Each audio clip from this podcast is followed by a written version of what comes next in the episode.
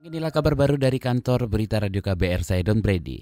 Sekretaris Jenderal DPR RI Indra Iskandar menyebut data persidangan seperti dokumen kehadiran anggota paripurna bersifat rahasia.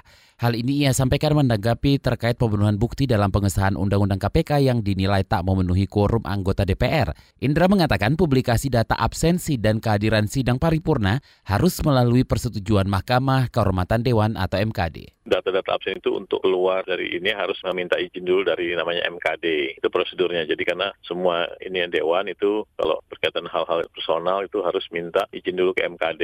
Karena absen itu kan berkaitan dengan data. Itu tadi Sekjen DPR RI Indra Iskandar. Sebelumnya MK telah menggelar sidang pendahuluan uji formil Undang-Undang KPK yang dimohonkan oleh tiga pimpinan KPK dan pegiat anti korupsi. Dalam persidangan, Hakim Saldi Isra menanyakan bukti anggapan sidang pengesahan Undang-Undang KPK tak memenuhi syarat quorum. Tim permohonan pun tim pemohon pun tidak dapat membuktikan dan mengaku kesulitan mengakses dokumen absensi DPR tersebut.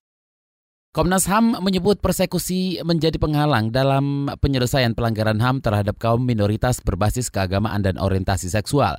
Komisioner Komnas HAM Khairul Anam mengatakan dua topik itu menjadi sulit dituntaskan karena muncul persekusi dari kelompok masyarakat. Nah kalau ini sudah ada kasus besar, ya kami akan negosiasi. Kayak kasus Transito misalkan Ahmadiyah, itu kan hampir 10 tahun, lebih bahkan. Terus kasus Si Sampang, itu kan udah bertahun-tahun. Lah tidak gampang, tidak mudah menegosiasikan kasus yang basisnya agama dan kasus yang berbasisnya adalah orientasi seksual yang berbeda. Tidak gampang. Komisioner HAM, HAM Komisioner Komnas HAM Khairul Anam menambahkan persekusi dari kelompok masyarakat masih terus muncul meski pemerintah dan Komnas HAM mencoba menengahi. Persekusi ini muncul karena adanya ajakan dari kelompok masyarakat lainnya. Saudara Lembaga Bantuan Hukum LBH Surabaya menilai perlindungan pemerintah terhadap aktivis lingkungan sangat lemah. Koordinator LBH Surabaya Sahura menjelaskan kondisi itu bisa dilihat dari kasus yang menimpa aktivis lingkungan Budi Bego yang dijebloskan ke penjara. Budi dikriminalisasi dengan tudingan komunis. Nah ini jelas bahwa problem lain di persoalan HAM di Indonesia adalah perlindungan terhadap pejuang HAM. Itu nggak ada. Pejuang HAM itu banyak, ada buruh, ada lingkungan, ada media gitu. Bagaimana kasus Budi Pego ini salah satu cerminan bagaimana pejuang HAM itu justru dipidana, dikriminalisasi. Bayangkan misalkan pasal itu kalau nggak salah itu baru pertama kali dijatuhkan terhadap seseorang pasal komunis komunisme itu. Padahal Budi Pego itu bukan siapa-siapa. Menurut Koordinator LBH Surabaya, Sahura, kasus yang menimpa Budi Pego itu sebenarnya janggal. Pasalnya saat melakukan aksi serupa, polisi juga sudah mengetahui adanya lambang komunis berupa spanduk yang ditudingkan. Tetapi, kata Sahura, kasus tersebut dilaporkan setelah aksi demonstrasi itu sudah berjalan lama.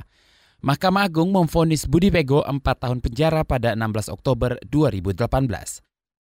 Dari berita mancanegara, saudara polisi Selandia mengatakan delapan orang masih belum ditemukan dan dikhawatirkan tewas setelah letusan gunung berapi di White Island. Perdana Menteri Selandia Jacinda Ardern mengatakan pesawat pemantau tak menemukan tanda kehidupan di pulau yang terkenal di kalangan wisatawan. Seorang saksi mengatakan penyintas yang selamat dari letusan mengalami luka bakar yang mengerikan. Perdana Menteri Ardern mengatakan wisatawan dari Australia, Amerika Serikat, Inggris, China, dan Malaysia termasuk di antara yang tewas, hilang, dan cedera. Ia telah memerintahkan penyelidikan atas peristiwa tersebut. Sebelumnya kamera pemantau milik lembaga geologi Selandia Baru Geonet memperlihatkan kelompok orang sedang berjalan menjauhi bagian luar kawah hanya satu menit sebelum letusan terjadi. Demikian kabar baru dari kantor berita Radio KBR, saya Don Brady.